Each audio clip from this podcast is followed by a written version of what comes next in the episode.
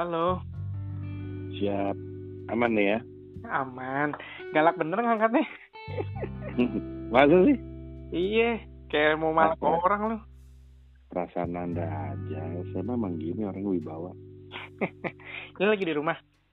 Hmm. Tumben jam segini di rumah. Ya, tadi urusan gue kerja kelar jam berapa ya? Jam setengah delapan kayaknya. Terus gue naik Transjakarta nyampe sini jam 9 kurang kayaknya. Gitu. Baru, baru nemenin anak-anak makan. Mm-mm. Sejarang itu emang Kemudian- ketemu anak-anak. Kagak, setiap kali ketemu anak-anak ya gue optimalin aja. Gitu, biar nggak makan sendirian gitu, biar ada yang nemenin. Oh, ini anak-anaknya atau lu nya? Anak-anaknya, Hmm. Berapa sih Dipo umurnya sekarang? Dipo itu 12, Kira itu 7. 12, 7. 5 tahun ya bedanya? Oh, lumayan, empat setengah sih sebenarnya tepatnya. Yang satu di yang satu di Maret, yang satu di November gitu. Sedangkan lu nikah 2006 ya? Kalau nggak salah ya? 2000, Iya, apa benar, 2000, 2000, 2006. Betul. Ini udah mulai nih wawancara.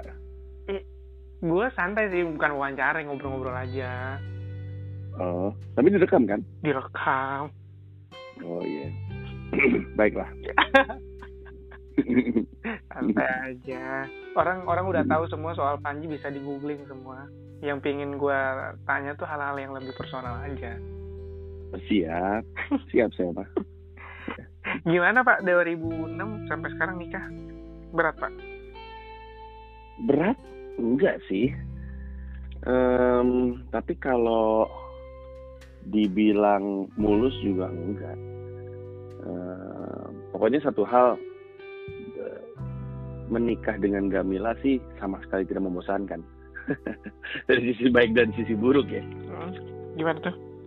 Ya rame aja gitu. Pasti ada ada nggak nggak pernah boring lah, nggak pernah bosan, nggak pernah flat, nggak pernah sama. Jadi ya banyak kejutan Ber- bersama Mila tuh banyak kejutan. Kejutannya kadang-kadang luar biasa menyenangkan, kadang-kadang juga nyebelin gitu. Karena orangnya kan ra- rada random ya nggak bisa ketebak. Berarti kelakuan absurd Dipo lu ini ya nurunin dari istri lo. Kalau kelakuan randomnya emang kurang lebih gue rasa dari Gamila sih.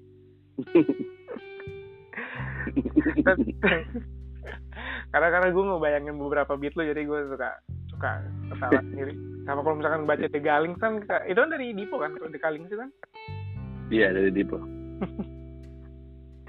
Tapi memang kalau misalkan soal pernikahan berarti lu lebih menitik beratkan karena ya lu ngerasa dapat dapat partner yang yang tepat. Ya sebenarnya sih lebih kepada gue waktu gue pacaran sama Mila waktu pertama kali itu kan Mila punya pacar, gue punya pacar. Jadi kita tuh eh, selingkuh dari pasangan masing-masing, terus udah gitu putus dari pasangan masing-masing tersebut, Udah, terus mulai jalan bareng. Iya beneran. Terus udah gitu em, hubungan kita jalan cukup lama, terus sempat hmm, sempet apa? Sempet eh, gue sempet selingkuh. Gue selingkuh dari Mila. Gila nggak tahu Terus diri. sempat iya memang nggak tahu diri. terus sempat eh, udahan dulu, terus gue sempet em, kayak nyoba-nyoba kanan kiri, nyoba yang ini, nyoba yang itu, sampai akhirnya gue berkesimpulan, anjing ternyata setelah gue secara primal mencoba mencoba dalam tanda kutip ya bersama dengan banyak perempuan ternyata nggak ada yang benar-benar sengeklik Gamila terus akhirnya gue balik lagi ke Gamila dan Gamilanya juga walaupun gue selingkuhin dia tentu marah tentu sangat kecewa. Tapi nggak pernah benar-benar berkeinginan untuk meninggalkan gue.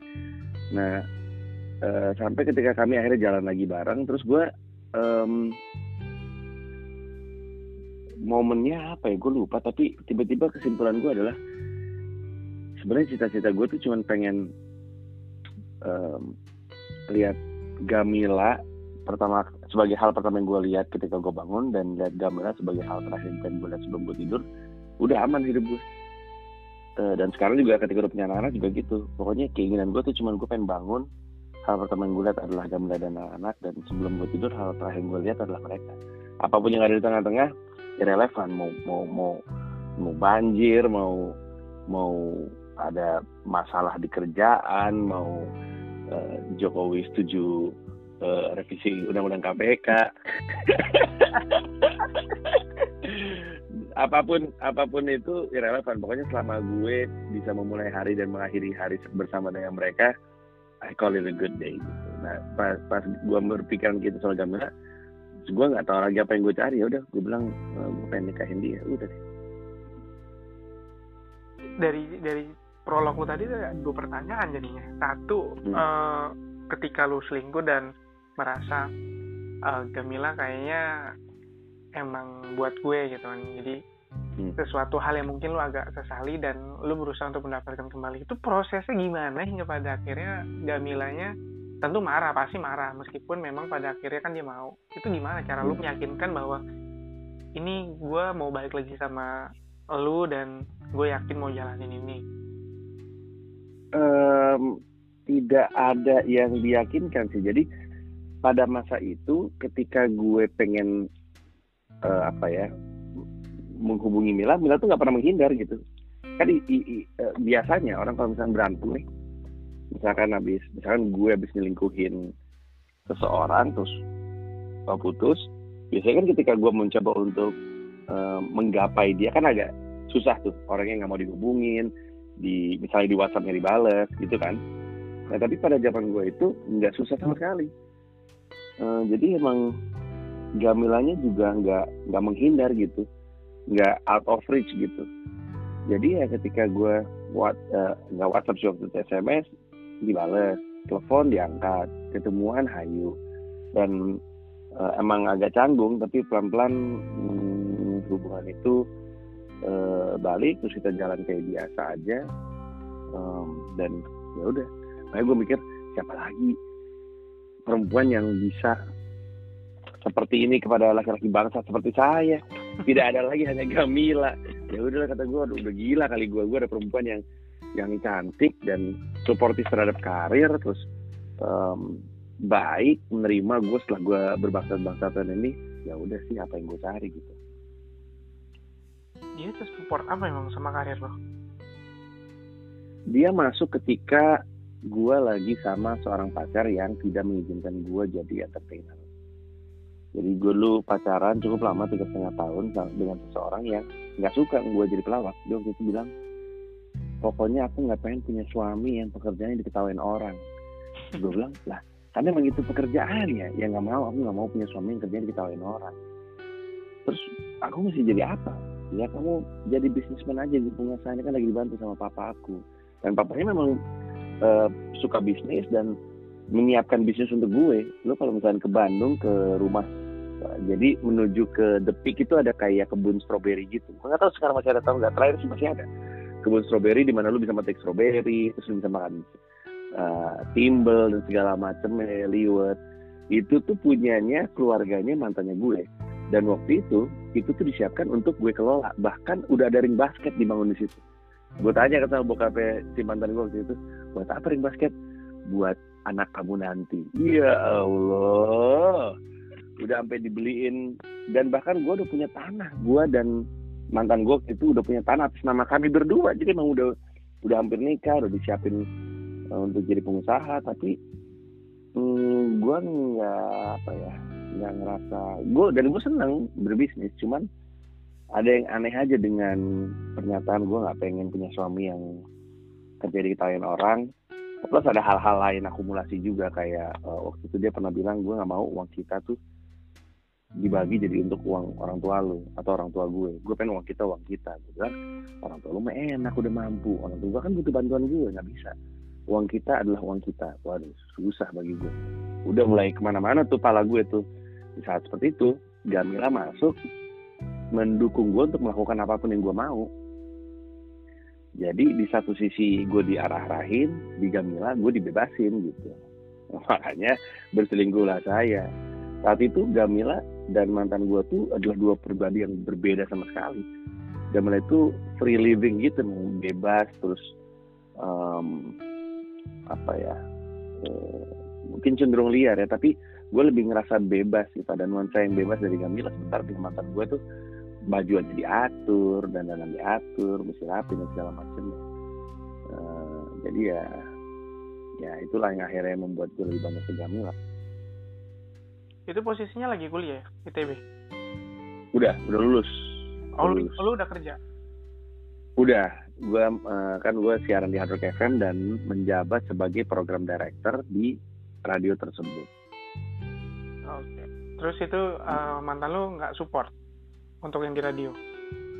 Ya dia tahu gue siaran tapi di, di kepala dia tuh dia berpikir ya ini sesuatu yang Panji kerjakan sebagai hobi, ntar juga ditinggal gitu. Oh. Sementara gue benar-benar suka dengan pekerjaan gue uh, di dunia siaran gitu dan waktu dulu zamannya gue kuliah gue tuh bertanya-tanya sama diri gue sendiri kenapa ya gue kok pinter ngomong kuat ngomong lama seneng bikin orang ketawa pekerjaan untuk gue tuh apa tapi gue belum tahu stand up waktu itu gue pikir gue harusnya jadi penyiar radio makanya gue ngelamar jadi penyiar radio gue tuh bener-bener bertanya-tanya ini ini tuh spesifik banget nih kemampuan bicara gue kemampuan uh, membuat orang tertawanya gue dan gue kuat ngomong lama itu tuh um, sangat spesifik.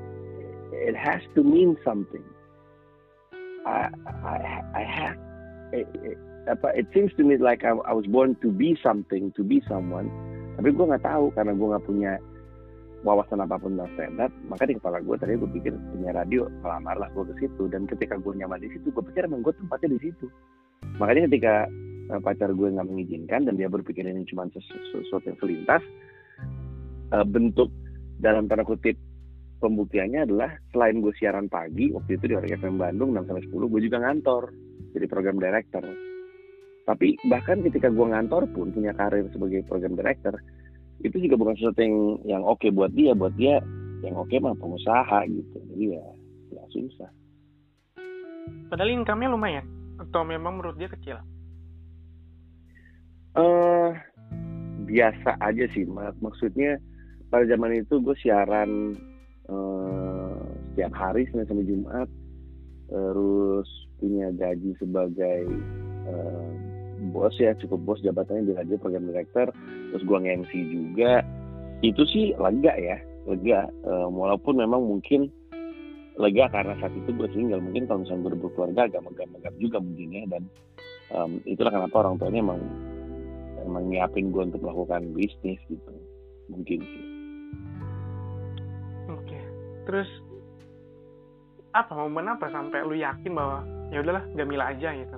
Ketika lu jalanin terus ya udah Mil kita lebih serius ke jenjang pernikahan momennya apa? Uh, ini agak aneh sih tapi waktu itu tuh kami habis selesai nonton lu tau film Mr. and Mrs. Smith nggak? Iya tahu tahu. Berarti dan Angelina Jolie. Aha. Kami nonton itu di Ciwo. Okay. Terus nggak tahu gimana ceritanya di kepala gue adalah setelah nonton itu kesimpulan yang gue terima adalah eh, seberantakan berantakannya hubungan suami dan istri kalau komit kalau komit mah bisa selesai aja gitu. Jadi terus gue nggak ada keraguan lagi nggak ada nggak ada biasa kan orang kalau mau nikah kan ragu kan. Ya, iya apa ini nggak ya segala macam. Selama lama gue pikir ah, ini kan cuma masalah komitmen.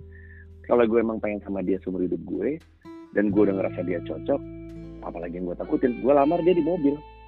Gue lamar dari mobil habis nonton benar-benar di mobil selesai dari nonton. Terus uh, gue nanya di uh, you wanna marry me? Uh, Mila gitu terus dia nanya is this a proposal? Dia kayak gitu. Iya will you marry me? gitu. Terus dia teriak yes gitu. Terus dia buka jendela uh I'm getting married gitulah kayak kayak kayak film gitulah.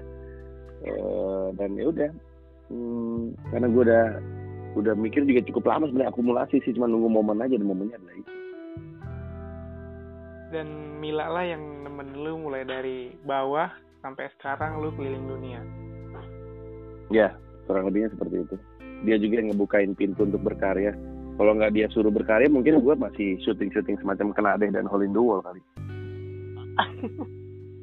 Gue sampai lupa kalau lu punya program itu. Mm -mm tapi memang dia yang selalu dorong atau memang lu yang sempat ngerasa di spread dengan dengan jenjang karir lu di entertain tapi dia support gitu?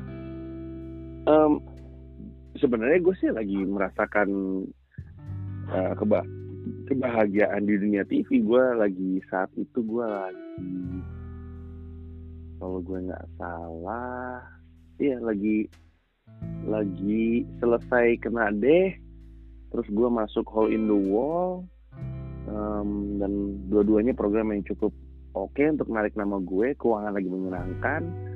Terus um, uh, di bulan Ramadan 2007 itu tiba-tiba Mila bilang habis sahur nih. Gue inget banget habis sahur di, di kasur tiba-tiba uh, dia bilang tahun depan mau ngapain? Kata gue gimana maksudnya tahun depan mau ngapain? Ya nggak tahun depan rencana kamu apa ya nggak ada syuting aja gitu kayak biasa. Terus dia bilang oh, jangan syuting doang dong bikin karya. Terus gue juga nggak tahu tuh datangnya dari mana pertanyaan itu atau pernyataan itu dari Mila. Gue juga nggak tahu dia habis ngeliat apa habis baca apa gue nggak pernah tahu tuh. Tapi yang gue tahu ketika dia bilang tahun depan jangan kerja doang bikin karya. Gue tanya maksudnya karya apa? Ya sesuatu yang kamu bikin dari nol uh, bukan ngerjain kerjaan orang gitu. Selama ini kamu pengennya jadi apa? Kamu kejar. Terus lagi-lagi gue tahu stand up sebenarnya zaman kuliah tapi gue nggak pernah nggak stand up comedian kan. Um, ada di Indonesia. Jadi gue pikir itu sesuatu yang nggak visible gue simpan aja dalam kepala. Jadi ketika Gamila nanya mau jadi apa? Yang pertama kali muncul di bawah gue adalah pengen nge-rap. Karena gue udah nge-rap dari SMP SMP SMA kuliah gue tuh nge-rap. Nggak uh, pernah berhenti dengerin hip hop. ada yang dengerin? Ada tentunya. Tapi kan karena bawain lagu orang. Gue SMP itu pertama kali dalam tanda kutip manggung tuh SMP dan itu manggungnya adalah pelajaran kosong. Gue naik meja nge-rap gue ada dua ada satu Ari Belo namanya dia selalu nge-rap lagu-lagunya Iwake.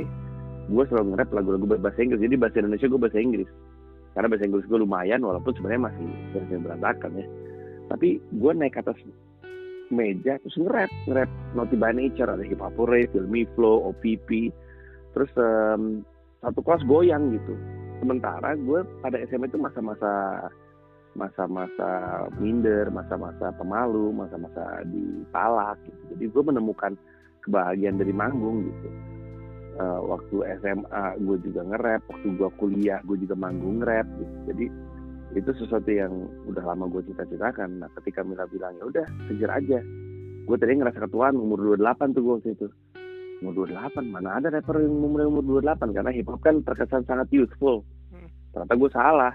Gue google Eminem aja baru mulai nge-rap umur 28 Jay-Z umur 29 kalau nggak salah. Terus um, nama-nama kayak Public Enemy Chuck D itu udah ada tua-tua gitu lah. Run DMC itu tua-tua. Ya udah kita pikir kita seriusin aja. Eh kayak ketemu jalannya di Hard Rock FM gue wawancara grup hip hop namanya Soul ID terus gue nanya gue suka banget sama musiknya.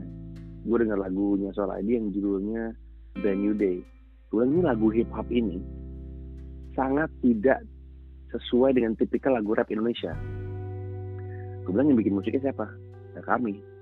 Terus gue bilang eh gue mau dong eh, apa namanya diajarin bikin lagu rap. Terus kata Andrew Marsh salah satu personal Swadi datang aja ke label kita Rizky Record gue samperin uh, di daerah Rempoa waktu itu. Habis itu dia bimbing terus akhirnya keluarlah album pertama gue nah sejak gue pertama kali berkarya habis itu gue keranjingan berkarya. Gue menemukan kebahagiaan dari mencipta sesuatu yang tidak ada tadinya wujudnya tidak ada di muka bumi ini ada di kepala gue terus gue proses sampai akhirnya ada barang. Gue tuh akhirnya ketagihan sama proses itu. Mau itu gue ngerjain album rap, buku atau stand up itu sesuatu yang nggak pernah berhenti gue kerjakan. Gitu. Nah, pada akhirnya juga stand up juga seperti itu ya. Mm -hmm. Terus dari keluarga lu nggak nggak keberatan lu di, maksudnya di luar Gamila ya, kayak mm. hmm, anak lu mungkin pernah protes atau nyokap? Kalau dari keluarga gue sendiri yang nyokap bokap mereka nggak pernah sih protes gue cukup beruntung karena orang tua gue keduanya membebaskan gue jadi apa pun walaupun gue juga sebenarnya nggak pernah bener-bener bilang gue dalam tanda kutip terjun ke dunia hiburan. Mereka tahu gue siaran. Tapi waktu itu gue juga siaran untuk sambil ngumpulin uang um, sambil kuliah. Tiba-tiba pergerakannya cukup kenceng ya ada proses juga sih. Gue casting ratusan kali mungkin nggak diterima. Tapi ketika akhirnya acara TV gue naik di televisi kedua orang tua gue tuh yang ngeliat itu oh tiba-tiba anak ini jadi entrepreneur dan ada hasilnya. Oh ya udah gue diemin aja gue biarin. Jadi gue gak pernah dilarang. Mungkin kalau misalnya gue bilang eh gue mau jadi presenter TV gitu mungkin agak ada larangan ya. Karena mereka khawatir juga. Tapi sebelum gue sempet bilang gue udah keburu nongol di TV dan mereka udah ngeliat hasilnya. Ya udah nggak pernah di nggak pernah direm um, ketika gue geser ke rap, geser ke buku, geser ke stand up juga mereka nggak pernah nggak pernah ngelarang karena toh itu udah gue udah udah mandiri, udah berkarir sendiri, udah berpenghasilan sendiri ya udah gitu. Kalau dari anak-anak gue, uh, Dipo waktu masih kecil sempat ngerasa uh, apa sering ditinggal. Kalau sekarang sih lebih ke anak gue yang cewek nih. Ini anak gue yang cewek ngomong-ngomong lagi di belakang gue ngeliatin gue telepon dari tadi. Gak bisa. It's not two hours, ya. It's probably I don't know. I think it's uh, 20 minutes. 20 minutes, not two hours. Sorry. I'm sorry. Tapi ya, ya seperti yang lu denger nih, dia rada posesif sama gue. Hmm, kalau gue jauh juga um, jangan kan jauh keluar kota ya kalau gue belum balik juga kadang dia WhatsApp nanyain gue kapan pulang nggak bisa tidur kalau nggak ada ayah gitu gitu jadi ya yang cewek sini makanya setiap kali gue ada kesempatan gue sih pengennya selalu bareng sama anak-anak. Pagi itu kalau misalkan gue waktunya rada lega udah pasti anak-anak gue yang nganter pasti itu kalau gue bisa gue yang jemput. Kecuali kalau gue teler banget teler banget karena kecapean gue nggak bisa bangun. Karena um, nyiapin anak-anak tuh bangun jam 6 Dipo biasanya bangun duluan tuh. Dipo bangunnya pagi banget. Selalu pak bangun lebih dulu. Selalu gue kebangun karena dia bilang good morning ayah. Dia lagi jalan menuju kamar mandi. Mandi sendiri ganti baju segala macam karena dia keriting jadi dia harus uh, hair dryer sendiri gitu. Terus uh, yang Shira sekarang udah udah gede nih. Biasanya mesti dibangunin dulu. Sekarang bangun sendiri berangkat sendiri mandi cari baju sendiri sekarang. Habis itu jam setengah tujuh biasanya kami jalan kurang paling terlambat tujuh kurang seperempat. Kita jalan biasanya berempat langsung sama Gamila terus kita ngedrop anak-anak ke sekolah. Setelah itu gue sama Gamila bisa nyari sarapan atau enggak nyari tempat ngopi. Habis itu gue lanjut kerja gitu. Jadi setiap gue bisa pasti gue luangin untuk uh, anak-anak gue gitu. Gimana rasanya jadi orang tua bro? Uh, ini, ini, ini, ini pertanyaan serius karena kan gue juga belum tahu kan. Belum tahu apa? Ya, belum, belum tahu, tahu jadi orang tua? Ya iyalah karena kan gue juga nggak belum ada pasangan juga jadi gue pengen ya, tahu. cari dulu. Cari dulu yang mau sama lo ah gue datang ke apa mana marketnya nggak ada ini penonton lu yang bisa di prospek wah gila lu penonton komika money market cakep-cakep semua gila lu. Gila lu seleranya susah kali. Lu sebenarnya naksir sama Samara kan. Lu sebenarnya tiba-tiba Samara udah nikah sama orang. Gue nggak sanggup kalau misalkan harus sama Samara. Gue nggak nggak nggak sanggup baca ini bro. Apa namanya buku BPUPKI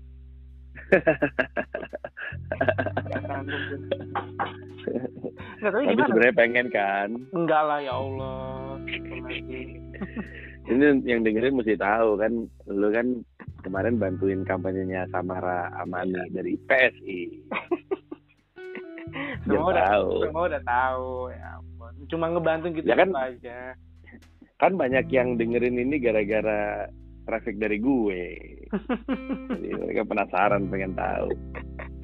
ya biar mereka juga tahu kalau gue juga bantuin Mas Anies gitu. Jadi gue nggak murid yeah. nggak murid cebong. iya iya iya betul sekali. Nggak tapi serius soal pertanyaan gimana rasanya jadi orang tua? Karena uh, karena sekarang kan posisi gue jadi seorang anak dan gue pengen tahu kalau lu jadi orang tua gimana dan lu sekarang anaknya juga udah mulai besar mungkin lu punya agak kekhawatiran karena lu pernah waktu itu pernah ngomong kalau nggak salah di salah satu YouTube lo soal Raditya ini kalau misalkan nanti udah punya anak pun dia orientasinya akan berbeda gitu. kan waktu itu lu ngomong kayak kalau nggak salah Radit tuh belum punya anak kayaknya Iya. jadi lu sekarang jadi jadi orang tua how do you feel? Menjadi orang tua adalah eh, predikat favorit gue sih. Di atas menjadi stand komedian di atas menjadi um, rapper penulis buku atau orang terkenal atau apa pun menjadi orang tua selalu yang terbaik selalu paling atas. Eh, gue nggak menemukan sisi tapi ini gue ya gue nggak bisa ngomongin mewakili orang lain tapi kalau gue gue nggak menemukan sisi dari menjadi orang tua yang nggak menyenangkan. Uh, I love every second of it being being a parent. Um, setiap hari anak gue selalu melakukan hal-hal yang gue anggap ajaib. Um, dan bagian dari pertumbuhannya itu selalu selalu indah buat gue gitu. Pertama kali ngomong pertama kali ngomong satu kalimat utuh pertama kali eh, melawan pertama kali setiap hari ada aja. Sampai pertama kali texting sama gue gue inget banget. WhatsApp pertama dari Shira WhatsApp pertama dari Dipo gue inget banget. Jadi ya em, dan eh, rasanya apa ya? Aneh sekali bukan aneh ya. Ya unik sekali perasaan dicintai sama makhluk yang kecil gitu kayak kalau misalnya kita pacaran kan bahwa lu mencintai dia dan dia cintai lu balik itu udah cukup lazim dan itu yang lu cari bahkan kadang-kadang. Jadi sebagai laki-laki kadang-kadang lu mencari cinta dari dia lu suka sama dia lu nembak dia misalnya atau lu jalan bareng berharap cinta dari dia. Kalau ini tuh tiba-tiba hadir aja gitu dunia tadinya nggak punya pikir, pemikiran sendiri nggak bisa hidup mandiri tiba-tiba menunjukkan dirinya butuh dan cinta kita. Itu rasanya nggak ada ini ya nggak ada nggak ada lawannya gitu. Salah satu kegiatan favorit gue adalah waktu anak-anak gue masih pada bayi ya adalah menggendong mereka ketika mereka nangis sampai mereka tenang. Pegel gue pernah tuh waktu itu di Bali. Waktu itu masih Dipo belum Cira Dipo masih bayi malam-malam nangis aja gitu. Bener-bener nangis aja. Terus uh, gue kasihan ngeliat Gamila udah kecapean kan udah jam berapa ya? Mungkin jam malam aja pokoknya kita jam 12 kayaknya atau setengah satu. Akhirnya gue yang gendong dua jam gue bolak balik bolak balik kayaknya tuh rasanya hampir dua jam mungkin sejam lebih sih. Bolak balik bolak balik cuman Dipo sampai benar-benar dia tidur. Sampai benar-benar tidur. Dan di situ kayak ada rasa yang bahagia ketika dia menemukan ketenangan dan kenyamanan dari kita. Dan bahwa kita berhasil ngasih dia ketenangan dia belum bisa ngomong. Lu lu nggak kok lu ngomong ke dia dia mungkin nggak ngerti. Dia ngomong ke lu juga bahasanya masih kagak jelas. Tapi ada sesuatu yang gue lakukan untuk dia yang membuat dia ngerasa oke gue tenang. Nah itu tuh. Itu tuh ajaib banget menurut gue dan sekarang ketika udah pada bisa ngomong hal-hal yang terjadi di antara kita juga tidak kalah ajaibnya gitu. Jadi ya menyenangkan sih. Susah diomongin emang susah sekali kalau misalkan lagi di posisi seperti ini dan lu berpikir suatu hari nanti harus melepas mereka untuk orang lain lu takut gak sih? Kalau Dipo sih nggak terlalu ya. Shira sih yang gue khawatirin gue bisa kebayang sih. Ini aja sekarang Shira bilang dia punya pacar gue apa lagi? Iya punya pacar. Gue udah lihat pacar gue lihat pacarnya kepala gue apa? Nih anak kayak gini pak. Takdir gue waktu itu eh, pernah liburan ke Seoul kan ke Korea Selatan ke Seoul. Terus gue ke ini ke museum apa sih itu artis-artis Korea. Gue lupa mulu namanya. Em, pokoknya ada kayak museum artis-artis Korea gitu. Terus gue ke sana gitu kan. Terus dia bilang terus dia bilang ayah I think this one is handsome and this one is handsome and this one is handsome. Gue bilang ya Allah artis-artis Korea ya dibilang ganteng udah kayak orang-orang zaman sekarang aja pusing. Gue, iya Shira sorry sorry sorry. I was just telling a story from my friend. That's okay you're cute you're cute. Ya gitulah. Coba kita tidur deh flashback. tidur kita flashback ke beberapa tahun mungkin ketika gue tanya posisi lu ketika jadi orang tua. Kalau dulu ketika posisi lu atau mungkin juga sekarang posisi lu sebagai seorang anak memandang orang tua lu dan correct me kalau misalnya gue salah orang tua lu pisah? Kenapa? Iya nggak maksudnya bener nggak? Maksudnya takutnya gue salah ngomong nih oh nggak bener bener. Bener. orang tua gue cerai waktu gue SMP kelas dua kayaknya. Kayaknya sih SMP kelas dua tapi ya itu. Eh, waktu itu cerai gitu. Eh saat itu lu udah mengerti soal perceraian dan orang tua lu pisah udah ngerti? Oh ngerti. Gue eh, gue ngerti banget konflik antara orang tua gue walaupun gue masih kecil. Eh, cuman gue ada di posisi yang di tengah-tengah gantung. Kakak gue udah SMA dia ngerti banget lebih lebih mungkin kakak gue karena lebih dewasa lebih anak SMA lagi remaja begitu gitu mungkin lebih eh, terasa dampaknya ke dia. Adik gue masih SD dia paling ngerasa sedihnya aja. Gue tuh di tengah-tengah ngambang. Di tengah-tengah tuh nggak jelas gitu. Gue ngeliat tapi gue nggak pernah bener-bener sedih. Eh, orang tua gue cerai A karena gue tahu gue tahu persis mereka hubungannya gak baik kok. Udah lihat gue mereka juga berusaha untuk mempertahankan hubungan ini tapi apa coba nggak nggak saling ngomong menghindar males ngomong. Tapi satu rumah gue udah ngeliat itu lama itu udah bertahun-tahun. Em, jadi ketika perceraian datang gue pikir ya udahlah emang ini yang terbaik daripada berantem. Em, kayak pragmatis tapi lebih kepada belum cukup dewasa untuk mengerti sakitnya tapi nggak bukan lagi anak-anak yang terlalu sensitif sama kesedihannya gitu. Jadi eh, ya udah yang yang terjadi terjadilah gitu. Saat itu lu memandang orang tua lu seperti apa? Ketika posisi itu atau mungkin seiring berjalan waktu lu merasa sakit atau mungkin baru kerasa hilangannya di salah satu sosok ataupun rumah mungkin? Em, enggak sih. Eh, pertama bokap gue tuh emang galaknya bukan main sih. Jadi eh, anak-anak lebih nempel ke ibunya gitu. Gue kakak gue adik gue emang udah nempel ke nyokap gue. Bokap gue galaknya bukan main dan gue bahkan eh, takut setiap kali dipanggil. Karena takut ada yang salah ada yang dimarahin. Padahal bokap gue gak pernah marah-marah sama gue sih. Eh, cuman karena gue pernah ngeliat dia marah-marah setiap kali dia manggil gue tuh yang ngeri aja gitu. Apalagi dia tuh kalau manggil tuh selalu Mas Panji gitu. Selalu teriakan itu lantang banget gitu. Dalam manggil bukan marah. Jadi ya eh, ketika cerai gue juga nggak yang ngerasa kehilangan dia banget. Orang emang agak-agak takut gue sama dia. Em, walaupun intensitas aktivitas gue sama bokap gue cukup tinggi. Gue waktu kecil selalu olahraga atletik bareng sama dia dia selalu nganterin dan segala macamnya. Cuman emang nggak deket aja karena sebagai anak-anak mungkin gue rada eh, segan atau takut sama bokap sama nyokap gue deket banget. Tapi bo, nyokap gue saking deketnya dan saking lebih seringnya ketemu gue lebih sering kena omelan sama nyokap gue.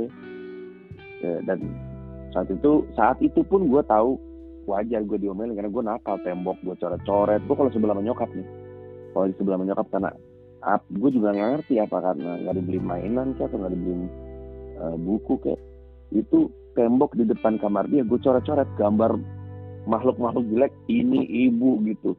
Terus saja adik gue ngeliatin gue nah ikut ikutan aja. Tembok sepanjang berapa ya? Coba satu dua tiga tiga setengah meter. Isinya coret-coretan gue sama adik gue pakai krayon.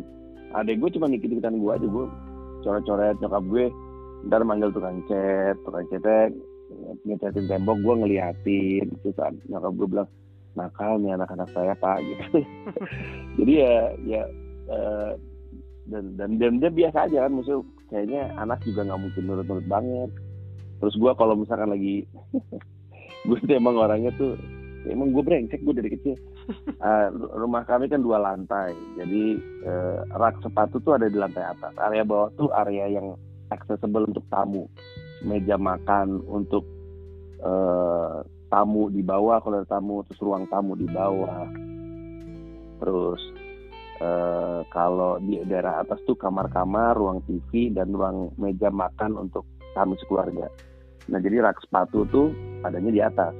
Tapi kalau misalnya ada tamunya nyokap gue di bawah dan gue sebel sama nyokap gue gue lempar-lemparin tuh semua sepatunya nyokap dari atas ke bawah. Gue jatuh-jatuhin. Eh, dan gue bisa dengar nyokap gue emang nakal ini tante. Anak anak anak saya tante gitu. Gue cuek aja gue lempar-lemparin gitu. Ketika akhirnya mereka cerai eh terus gue bilang sama orang-orang tuh perceraian orang tua gue tuh cuman menggambarkan bahwa mereka pasangan tuh sebagai pasangan tuh pasangan yang buruk. Tapi sebagai orang tua mereka tetap luar biasa karena peran mereka nggak pernah hilang dalam dalam menjadi orang tua. Bokap gue dan nyokap gue apalagi nyokap gue uh, usahanya jelas nampak untuk menjadi orang tua gue gitu. Um, tapi uh, semua gimana ya jadi cara pandang gue terhadap nyokap mungkin nggak pernah berubah banyak karena emang gue dekat sama nyokap. Cara pandang gue ke bokap yang berubah banyak setelah gue uh, dewasa. Belum nikah nih tapi setelah dewasa gue ada di Bandung terus um, mungkin kedewasaannya um, jadi lebih paham beratnya posisi bokap gue saat itu terus apalagi ketika menjadi uh, dan dan waktu itu hubungan gue sama bokap tuh gue sadar gue berusaha untuk perbaiki dengan lebih sering datang ke rumahnya dia lebih sering untuk ngobrol sama dia menghabiskan waktu sama dia. Uh, dan ketika gue jadi ayah itu plek-plekan berubah langsung. Langsung langsung paham apa yang bokap gue selama ini lakukan perjuangan dia. Gue ingat semua omongan-omongan dia perilaku perilaku dia. Gue tiba-tiba ingat ya bokap gue tuh pernah manggil gue terus uh, nunjukin gue sebuah kontrak kerja. Ini ini ayah pengen kasih kamu. Ini lihat ya ini namanya kontrak kerja. Nah ini kamu bisa hitung nggak nih angkanya? Ini angka berapa nih? Gue nggak bisa karena gue goblok matematika kan nolnya banyak banget tuh nggak tahu cara bacanya. Bokap gue bilang bokap gue bilang ini nilainya adalah sekian miliar gitu. Ini tuh kontrak kerja ayah nih. Jadi ayah sebenarnya dijanjikan uang ini. Ini asal kamu tahu aja gue masih kecil saat itu tapi gue tahu persis ketika bokap gue udah ngomongin kayak gini berarti ada yang salah nih sama kondisi keuangannya nih. Dia mulai menjelaskan hal-hal yang gue nggak perlu tahu. Kayaknya berharap gue ngomong ke nyokap gitu. Jadi dan itu baru gue inget dan baru gue ngerti maksudnya itu ketika gue udah punya anak. Nah sejak itu eh, banyak hal terhadap bokap gue yang berubah gitu. Rasa hormat gue lebih tinggi. Terus uh, gue banyak curhat tentang menjadi orang tua menjadi ayah ke bokap gue gue nanya kenapa gue bisa tumbuh besar cukup apa ya gue tuh gue tuh nggak mabuk nggak minum nggak pakai obat-obatan nggak ngerokok nggak nyimeng nggak tawuran dan gue nggak ngerti kenapa gue nggak ngelakuin ini karena lingkungan gue begini semua. Gue tuh SMP tuh megadon pil BK waktu gue SMA tuh ganja rokok waktu gue SMA kelas 3 itu lagi pecahnya tren putau. SMA kelas 3 tuh putau tuh lagi meledak banget di Jakarta. Nggak pernah sekalipun gue make gue nggak ngerti kenapa. Gue nggak ngerti. Kalau semuanya lingkungan gue ngelakuin itu wajarnya kan gue ikutan kan. Tapi gue enggak. Dan gue tanya itu kepada bokap gue gitu bokap gue cerita ini itu, itu segala macam gitu. Jadi eh, perubahan sikap gue ke bokap tuh baru terjadi setelah gue jadi ayah. Dan itu yang melatar belakangi uh, lagu ini Ode untuk ayah? Uh, iya itu salah satunya karena uh, Ode, Ode untuk ayah juga datang dari rasa bersalah karena waktu bokap gue meninggal gue nggak sama nggak nggak bersama dia gue lagi di Jogja. Uh, plus uh, gue waktu itu menunda bukan menunda-nunda ya jadi bokap gue tuh cita-cita terakhirnya ketika di udah menjelang tua itu cuma pengen dikenal sebagai penulis pengen nulis buku. Cuman orangnya rada-rada keras. Bukunya tuh nggak boleh diedit. Dia pengennya kayak gitu. Gue bilang e, aku aja nerbitin nerbitin buku ya harus terima diedit. Karena kadang-kadang yang kita pikir bagus menurut orang tidak gitu. Makanya bokap gue ngotot gitu. Cari aja penerbit yang mau nerbitin bukunya kayak gini gitu. Ya udah um, gue ketok-ketok segala macam penerbit nggak nemu-nemu bokap gue keburu meninggal. Padahal gue tahu persis dia pengen dikenal sebagai seorang penulis itu aja gue gagal. Akhirnya bukunya terbit juga sih judulnya Alexitinia diterbitin diterbitin bentang pustaka tapi itu juga karena setelah bokap gue meninggal gue bilang udah silakan kalau mau diedit diedit aja yang penting bukunya rilis. Terus um, juga karena selain karena rasa bersalah karena gue gagal uh, membantu dia karena sebenarnya pada hari beliau meninggal paginya tuh sempat telepon gue. Gue lagi di Jogja lagi audisi suci kalau nggak salah untuk Kompas TV ya terus uh, dia nelpon pagi-pagi. Gue lagi tidur nih pas gue cek apaan sih bokap gue pagi-pagi jam segini nelpon bokap gue tuh soalnya kerjanya nelpon mulu dan gue suka malas terima. Belakangan gue baru tahu ketika dia nelfon gue tuh dia lagi bilang tolong tolongin dia dia serangan jantung. Karena dia nggak bisa nelfon gue dia telepon Gamila. Gamila langsung angkat dibilangin bokap gue serangan jantung langsung buru-buru ngebut buru-buru ngebut ke tempatnya uh, bokap jemput dia. Tadinya pengen dibawa ke rumah sakit terdekat bokap gue ngotot pengen dibawa ke Medistra rumah sakit dia biasanya. Ya udah macet segala macam ketika nyampe sana udah terlambat. Pas nyampe sana pas nyampe sana meninggal. Gitu. jadi ya rasa bersalah itu sih. Uh, dan uh, bukan cuma rasa bersalah sebagai seorang anak anak ini udah jadi ayah soalnya. Jadi mungkin secara bawah sadar gue juga nggak pengen dapat perlakuan seperti yang gue berikan ke bokap dari anak gue nanti gitu. Jadi ada ada kemudahan itu gitu ada kerinduan itu ada rasa sosial itu. Lahir lagu Ode untuk ayah. Yang sebenarnya menurut gue lagu Ode untuk ayah itu secara flow ya itu basic banget sih. Tapi anehnya gue dapat laporan banyak banget. Ada yang bilang nangis dengerin lagu itu.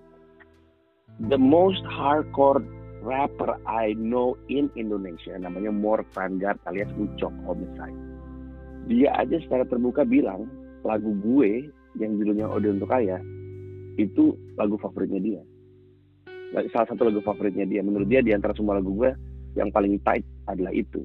Dan gue rasa kayaknya itu bukan karena hal teknikal dan bukan faktor teknikal yang dia bilang gitu pasti karena eh, karena tulisannya karena karena jeroannya itu lagu yang bisa bikin dia kayak gitu. Gitulah mungkin karena lirik sih. Karena uh, karena selama setahun ini kan juga uh, tahun kemarin kan emang orang tua gue juga pisah. Dan uh, udah setahun bokap gue juga iya pisah dan nggak ketemu sama anak-anaknya. Jadi selama tahun ini juga ketika emang ngerasa gue di satu sisi gue ngerasa benci sama bokap gue tapi di sisi lain ada rasa kangen dengerin lagu ini udah untuk saya memang liriknya tuh relate dengan banyak banyak hal sih pada akhirnya hmm. gitu dan uh, beberapa teman-teman circle lah yang mungkin juga keadaannya pernah merasakan kehilangan orang tua at least atau hmm. apa namanya karena bercerai atau mungkin karena sudah wafat juga bilang juga memang ya liriknya memang relate dengan dengan banyak kehidupan mereka gitu. jadi memang ya kalau bisa dibilang lagu itu yang nemenin beberapa saat kalau misalkan mau tidur atau apa yang kalau misalkan lagi akan bokap ya.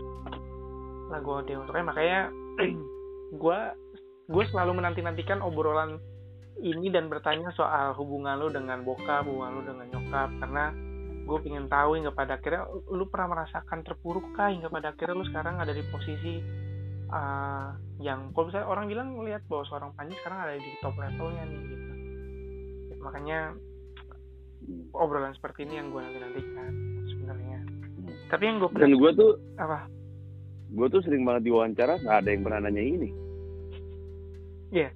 Nggak nggak bukan topik menarik kali buat buat orang-orang itu. Um, karena karena apa ya?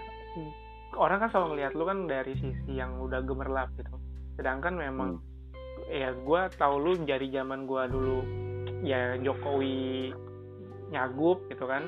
Terus gue juga sempat wawancara lo soal skripsi ya tahu banyak soal latar belakang dan memang sering dengar dengar karya lo. Jadi gue penasaran gitu sebenarnya uh, apa yang terjadi dengan lu hingga pada akhirnya lu bisa kalau kalau boleh jujur ketika lu kemarin ngom, ngebahas soal apa terakhir yang epilog ya yang menutup lu dengan apa menutup apa pragiwaktu Jakarta ya lima menitnya mengubah lima hidup. menit lima menit hidup. Itu gue dengerin itu bener-bener nangis bener-bener kayak lah bang, bang. kenapa nangis? Karena apa ya? Uh, nampar sih karena kalau bisa dibilang gue adalah orang yang paling sulit untuk konsisten. Dan ketika lu ngomongin soal konsistensi kemarin kayak gila lu lu lu belum apa-apanya gitu. Sedangkan sekarang kan umur gue 27 dan ya lu di, kemarin juga di ketika 28 juga baru memulai rap uh, yeah. tertampar banyak hal lah.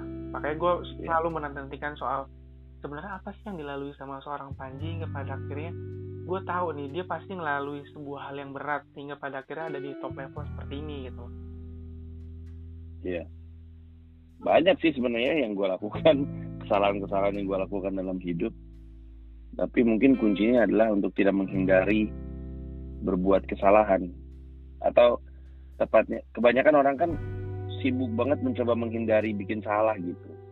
Kayaknya kalau misalkan kita tidak menghindar bikin salah dan menerima bahwa untuk apa pun yang terjadi dalam hidup lo itu ada peran lu di dalamnya jadi lu lu lu lu, ber, lu bilang sama diri lu bahwa gue bertanggung jawab terhadap apa pun yang terjadi dalam hidup lu. Kalau lu mulai ngomong gitu lu akan mulai bertumbuh. Permasalahannya adalah kita tuh keseringan bilang bahwa untuk hal buruk yang terjadi sama gue tuh pasti bukan salah gue salah orang lain. Karena aku kita pikir begini pikir benar-benar enggak itu ada ada peluang kita. Sebenarnya kita ada kesempatan untuk melakukan sesuatu tapi kita nggak ambil nah pada momen kita mulai terima bahwa semua kesalahan kita itu adalah andil kita juga kita bertumbuh. Dan pada momen kita tidak menghindar dari berbuat kesalahan kita bertumbuh gitu. nah gue gue sih nggak ada putusnya kalau ngomongin soal gagal. Banyak banget nggak kehitung kayaknya. Dan dan ekstrim ekstrim semuanya. Tapi mungkin kualitas terbaik dari diri gue itu yang orang tidak tahu adalah gue kuat tahan sakit. Mungkin karena sering sakit dalam hidup ya. Jadi karena gue kuat tahan sakit setiap kali gagal tuh nggak butuh waktu terlalu lama untuk bangkit gitu. Bahkan ketika orang menganggap lu sekarang ada di top level sebenarnya lu ada beberapa part yang ngerasa lu gagal gak? oh iya iya banget. Gue nggak ngerasa gue top level loh. Itu mungkin. Um, gue, di stand up aja gue masih gagal banyak. Di stand up gue gagal di film gue masih banyak gagal di rap gue banyak gagal. Um, tapi ya gue nggak ngelihat itu. Jadi gimana ya gue mau ngomong gagal juga suka suka susah ya karena gagal itu kalau gue udah memutuskan untuk berhenti gitu. Tapi selama gue masih ngejalanin itu bukan gagal namanya belum sukses. Kalau kalau gue ngelakuin sesuatu berkali-kali terus kemudian gue bilang ya gue berhenti dalam status gue gagal terakhir kali gue coba ya itu gagal. Tapi kalau misalnya gue gagal berkali-kali dan gue masih berkeputusan untuk jalan terus berarti itu mah bukan gagal emang belum sukses aja uh, dan ketika gue akhirnya nyampe sukses idealnya gue berhenti berhenti dalam posisi sukses. Tapi kalau gue apa karakter gue sendiri kayaknya ketika gue sampai titik yang gue anggap sukses pun gue nggak akan berhenti. Karena garis finishnya gue undurin lagi jauh lagi. Sehingga gue lari lagi. Kalaupun akhirnya gue nyampe garis finish itu besar kemungkinan gue undurin lagi garis finishnya. Jadi gue jalan lagi. Ya pada akhirnya lu akan terus berjalan kan tidak. Iya karena mm, itu yang gue suka lakukan sih. Gue gue sadar banget bahwa kalau gue stagnan gue resah marah stres. Gue kalau nggak nggak ada nggak ada yang progresif gitu ya stres gue salah satu acara salah satu alasan gue ninggalin dulu 11 12 adalah karena gue nggak dikasih ruang untuk progresif. Stres gue nggak bisa nih gue ngelakuin sesuatu tapi nggak nggak gerak gitu. Mending gue berhenti deh ada berhenti dan salah satu alasan kenapa gue lebih memilih jalur berkarya adalah karena keputusan untuk berlanjutnya tuh 100% di gue kalau misalnya gue mau bikin special lagi habis pergi Waksan World Tour ya bikin aja setik tank kalau bisa yang gue masih mau bikin show lagi ya udah bikinlah hidupnya si Maya. Kalau gue bilang gue masih mau bikin lagi show ya udah ada lagi kalau mau udah tahun depan. Jadi semua keputusan di tangan gue hmm, yang mungkin tidak bisa gue miliki keleluasan itu kalau gue kerja sama orang ngelihat persistensi lo tuh kayak kayak ngelihat gue beberapa tahun yang lalu gitu jadi kalau sekarang kalau boleh jujur gue dalam keadaan lagi lelah dan kayak hmm. ya ingin berhenti aja gitu loh kayak kurang ngewe lo aduh keluar juga kata-kata ini ini bukan di public market ya.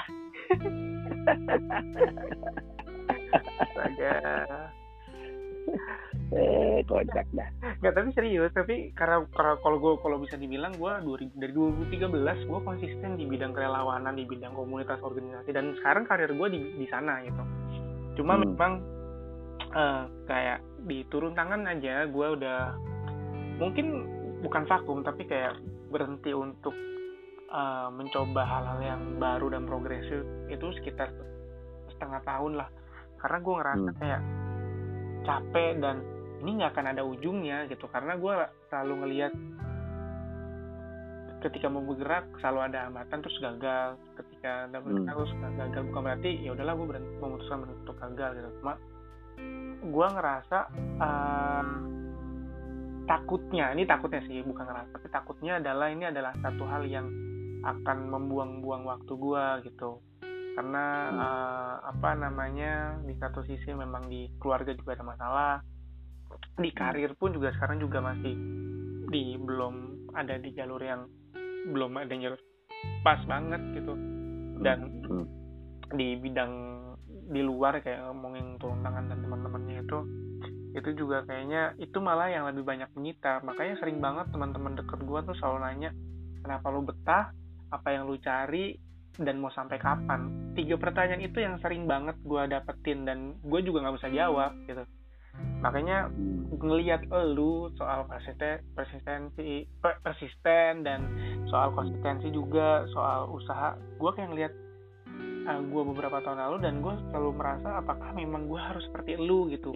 Meyakini jalan ini pada akhirnya kayak lu deh ngomongin soal rap kalau misalkan beli hmm. jujur mungkin lu bisa jujur loh sebenarnya nggak banyak juga yang menikmati karya gue di rap gitu kan. Tidak hmm. lebih banyak ketimbang di uh, stand up gitu. Stand up betul. iya kenapa kenapa lu tetap jalani itu? Nggak usah lu jawab pasti lu jawab karena gue suka gitu. Karena kan lu pernah kemarin hmm. yang bilang kan karena kalau lu kalau lu suka lu akan selalu menemukan alasan untuk untuk terus gerak. Tapi apakah hanya itu gitu? Hmm, iya. Nah mungkin perbedaan gue sama lu adalah um, lu secara day by day mungkin emang yang lo lakuin emang cuma satu. Sementara gue um, day by day-nya tuh ngerjain beberapa hal sehingga uh, gue punya ruang untuk explore gitu. Gue jalanin rap tapi kan gue nggak melarang diri gue sendiri untuk nulis buku terus gue nggak ngelarang diri gue sendiri untuk ngerjain stand up tiba-tiba gue ketemu oh stand up tempat gue um, dan akhirnya gue jalanin tiga-tiganya. Tapi gue double down di di stand up pun ketika gue udah punya karir di stand up gue nggak melarang diri gue untuk nulis film untuk acting deh. Dan uh, ketika gue udah acting gue nggak ngelarang diri gue untuk nulis film atau untuk menyutradarai film. Jadi gue selalu punya keinginan untuk nyoba-nyoba hal baru. Nah mungkin dalam keseharian lu sebagai orang yang lagi ada di dunia kerelawanan, jangan tahan diri lu ketika ada terbersit ide untuk mencoba hal baru gitu. Perjuangannya sekarang dibagi waktunya, tapi eh, gue cukup yakin setiap manusia tuh masih bisa di stretch untuk ngerjain tiga empat hal secara bersamaan. Capek tapi masih bisa gitu. Nah ketika lu jalanin banyak hal, dan lu nggak larang diri lu untuk nyobain hal-hal lain tersebut sambil tetap bertanggung jawab sama hal utama lu dalam hal ini kerelamanan lu punya ruang untuk mencari kesegaran aja dan siapa tahu dalam eksplorasi lu lah kok gue ternyata bagus di sini?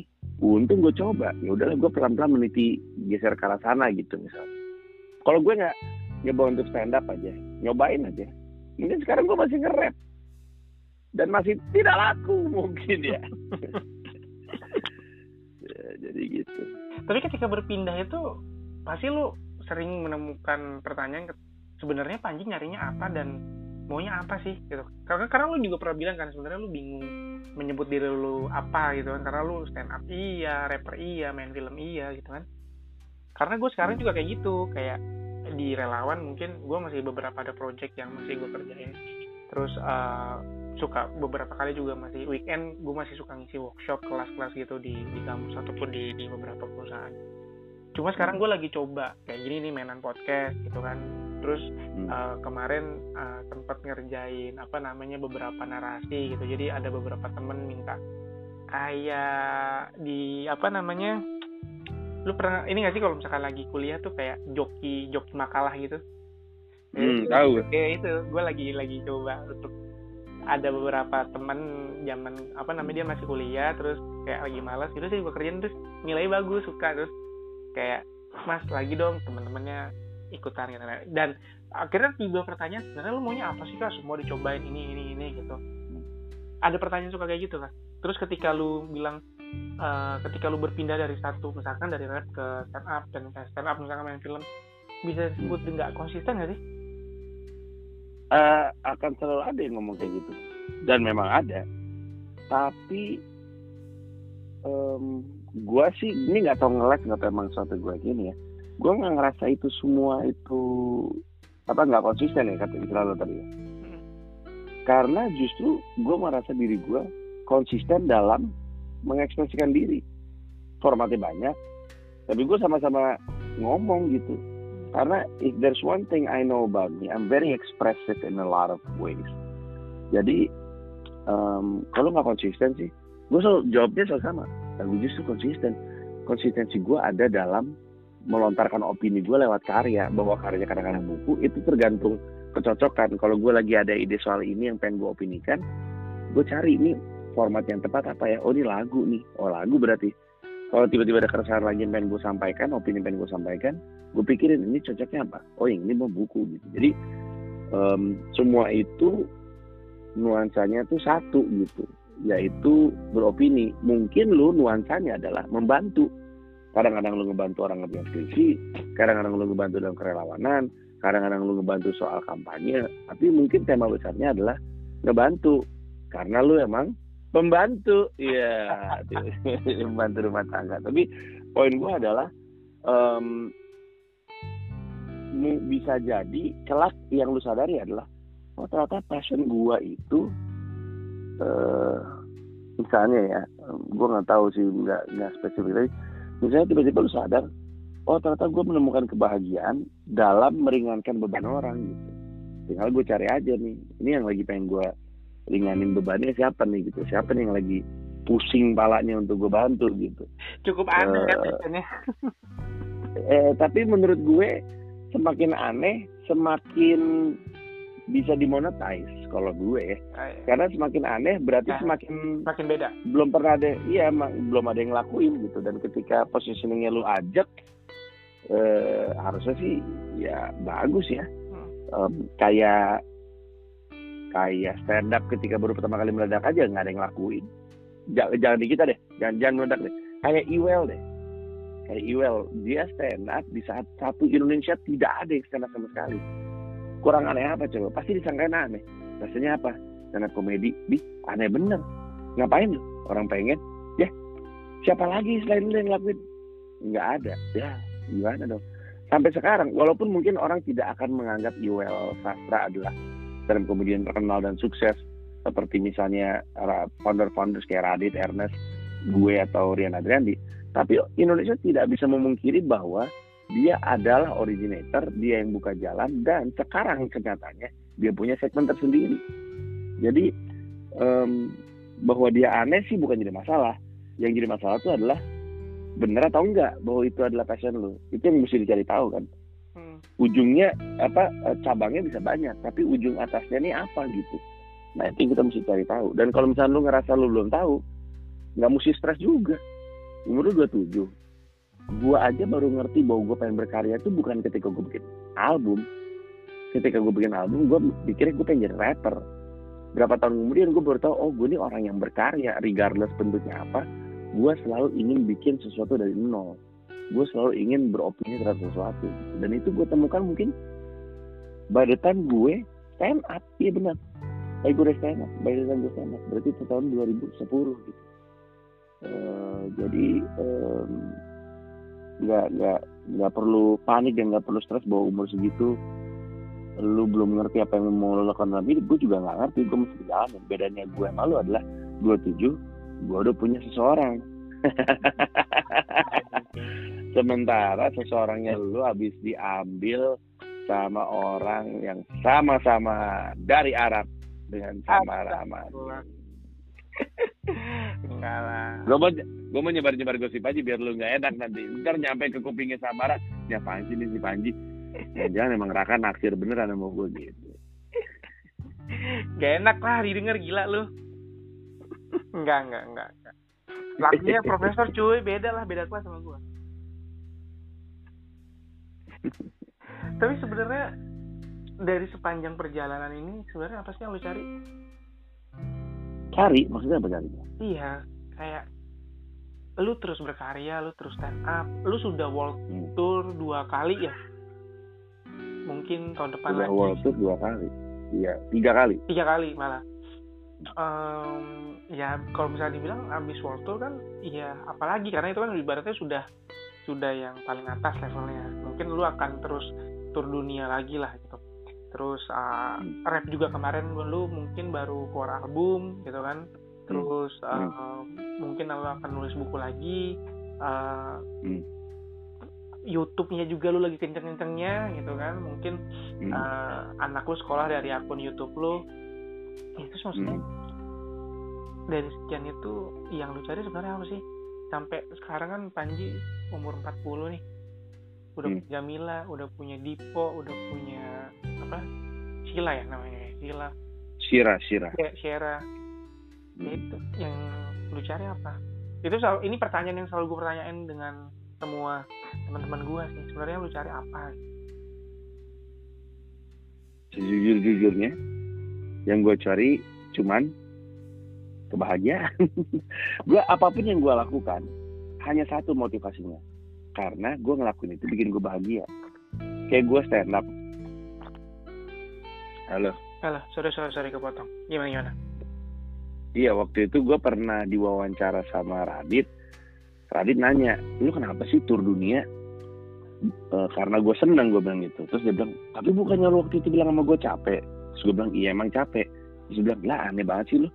Terus gue bilang sama dia "Eh, gue bersedia ngelewatin capeknya karena gue bahagianya terbayarkan ketika di panggung gitu.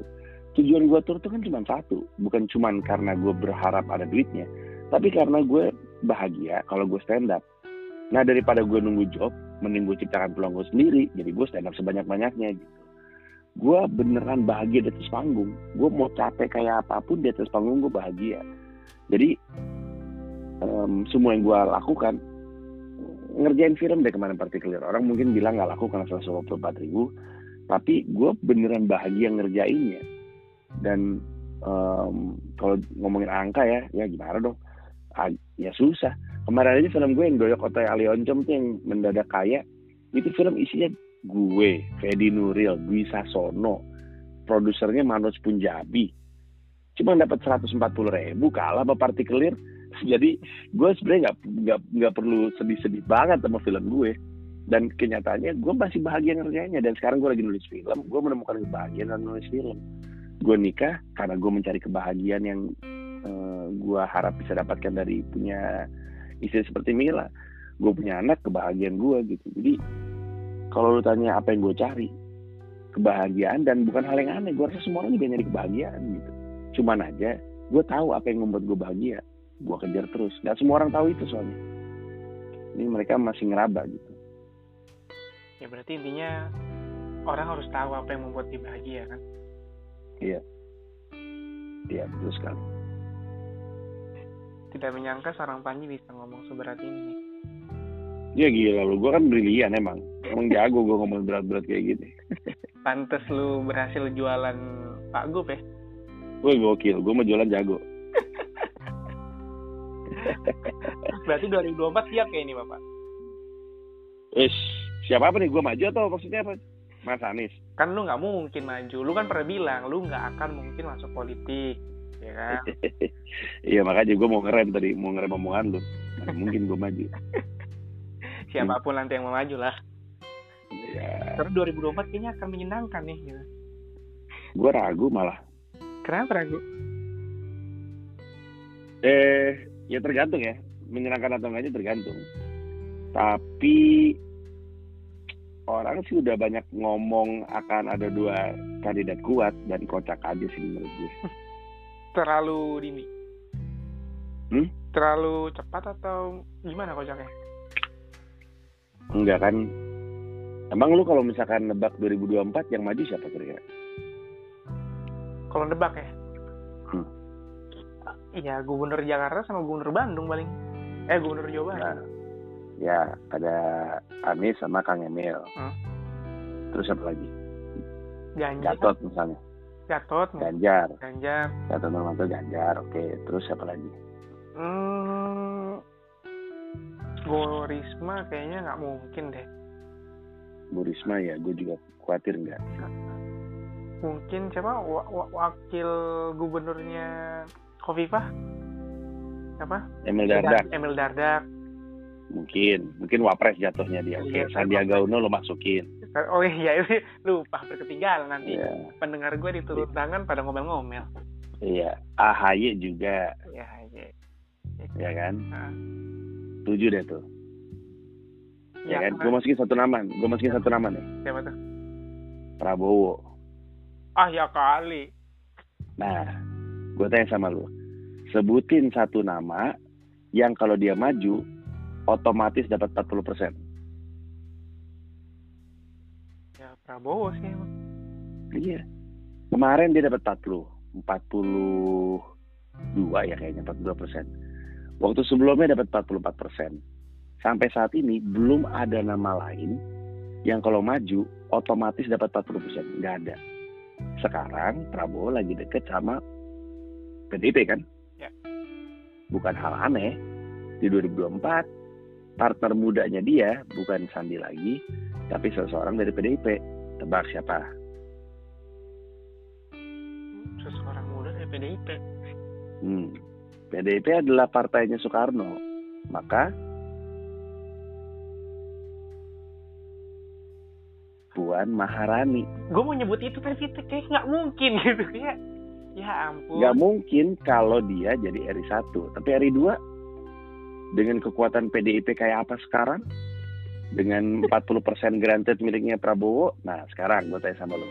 Kalau Prabowo Puan maju, 40% kan prediksinya kan? Hmm. Mungkin lebih bahkan karena nama PDIP ya kan? Hmm.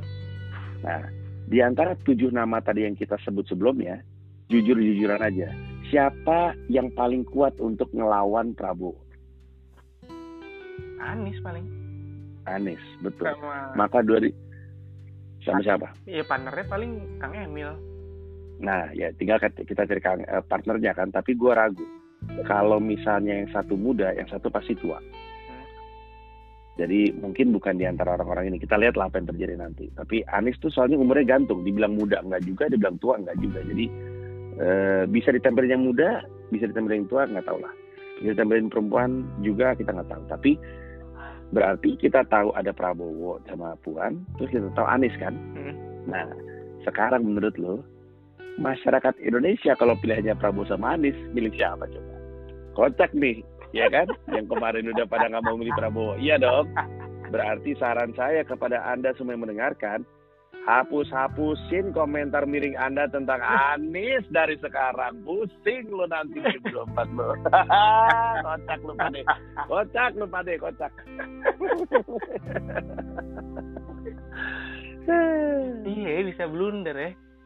Iya, Eh, makanya. Karena saya bilang Hah? saya kena ini kayak prank Atta Halilintar sekarang katanya. Ya Allah, ngeri bener, ngeri bener emang tuh kondisi. Emang Tapi gue nggak khawatir sama sekali. Kenapa? Gue gua aja mulai cemas tuh soal beliau. Enggak karena nggak tahu ya. Kalau gue sih ngerasanya kebanyakan orang agak over. Emang buruk. Dia sedang jalan ke arah yang buruk. Gue setuju itu. Eh, dia kayak ngeriset Indonesia. Kayak lo lagi main game terus di reset diulang dari awal gitu kayak kayak gitu. Tapi gue sangat percaya sama orang Indonesia.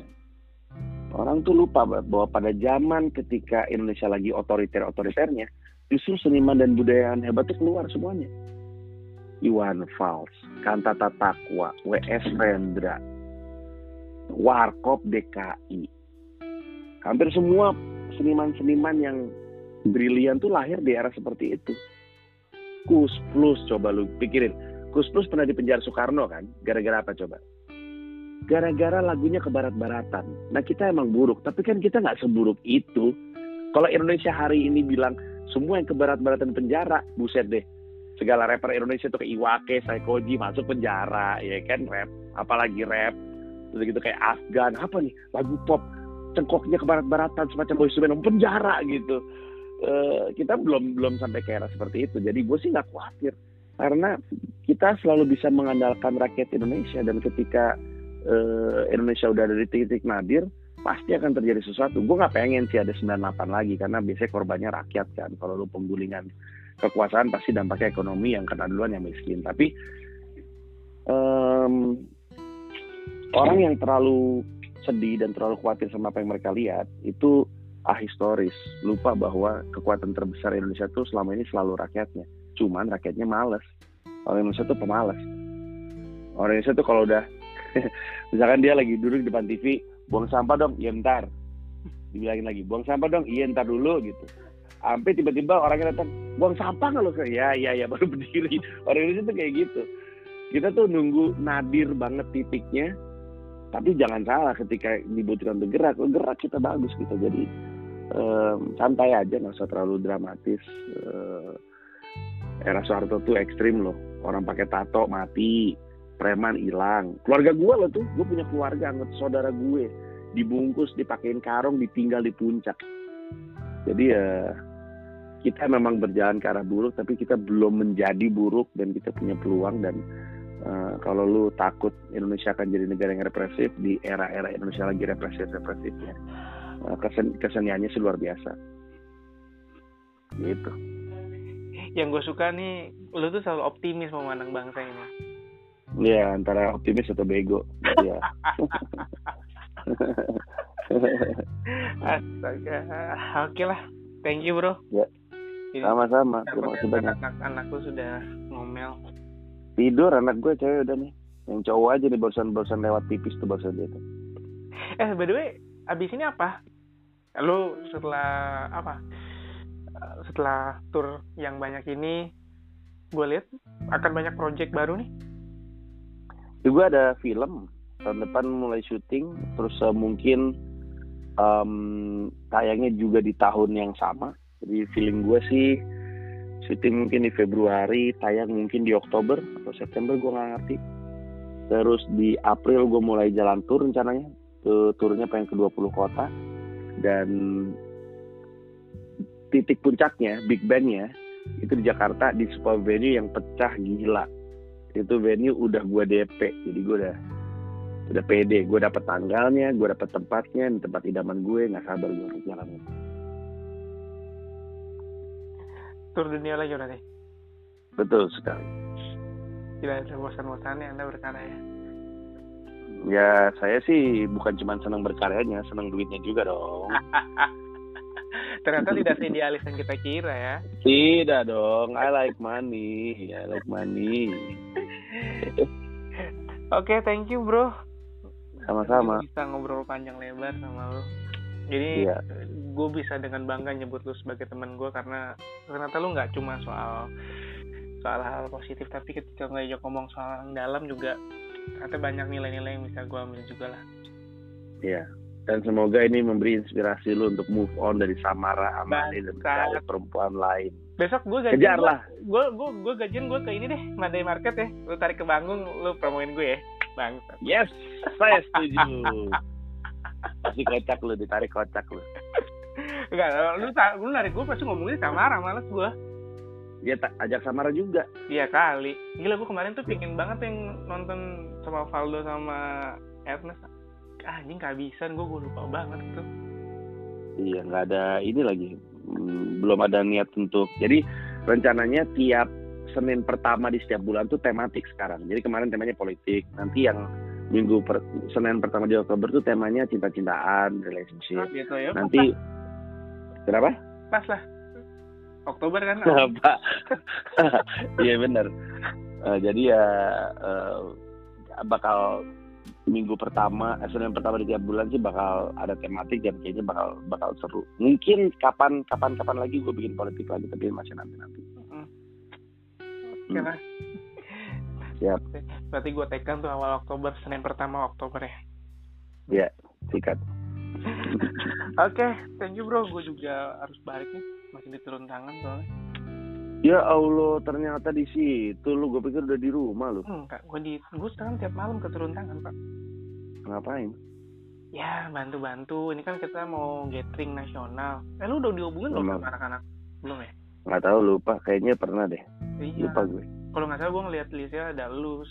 mau ngomong gue ngapain Iya. aja orang ngomong Tahu turun tang turun tangan udah pasti ada guanya. Turun tangan itu kan sebenarnya adalah fans klub Panji berkedok gerakan sosial.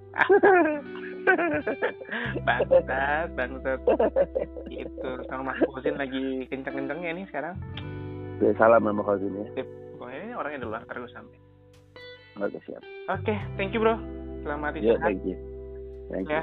Assalamualaikum. Salam.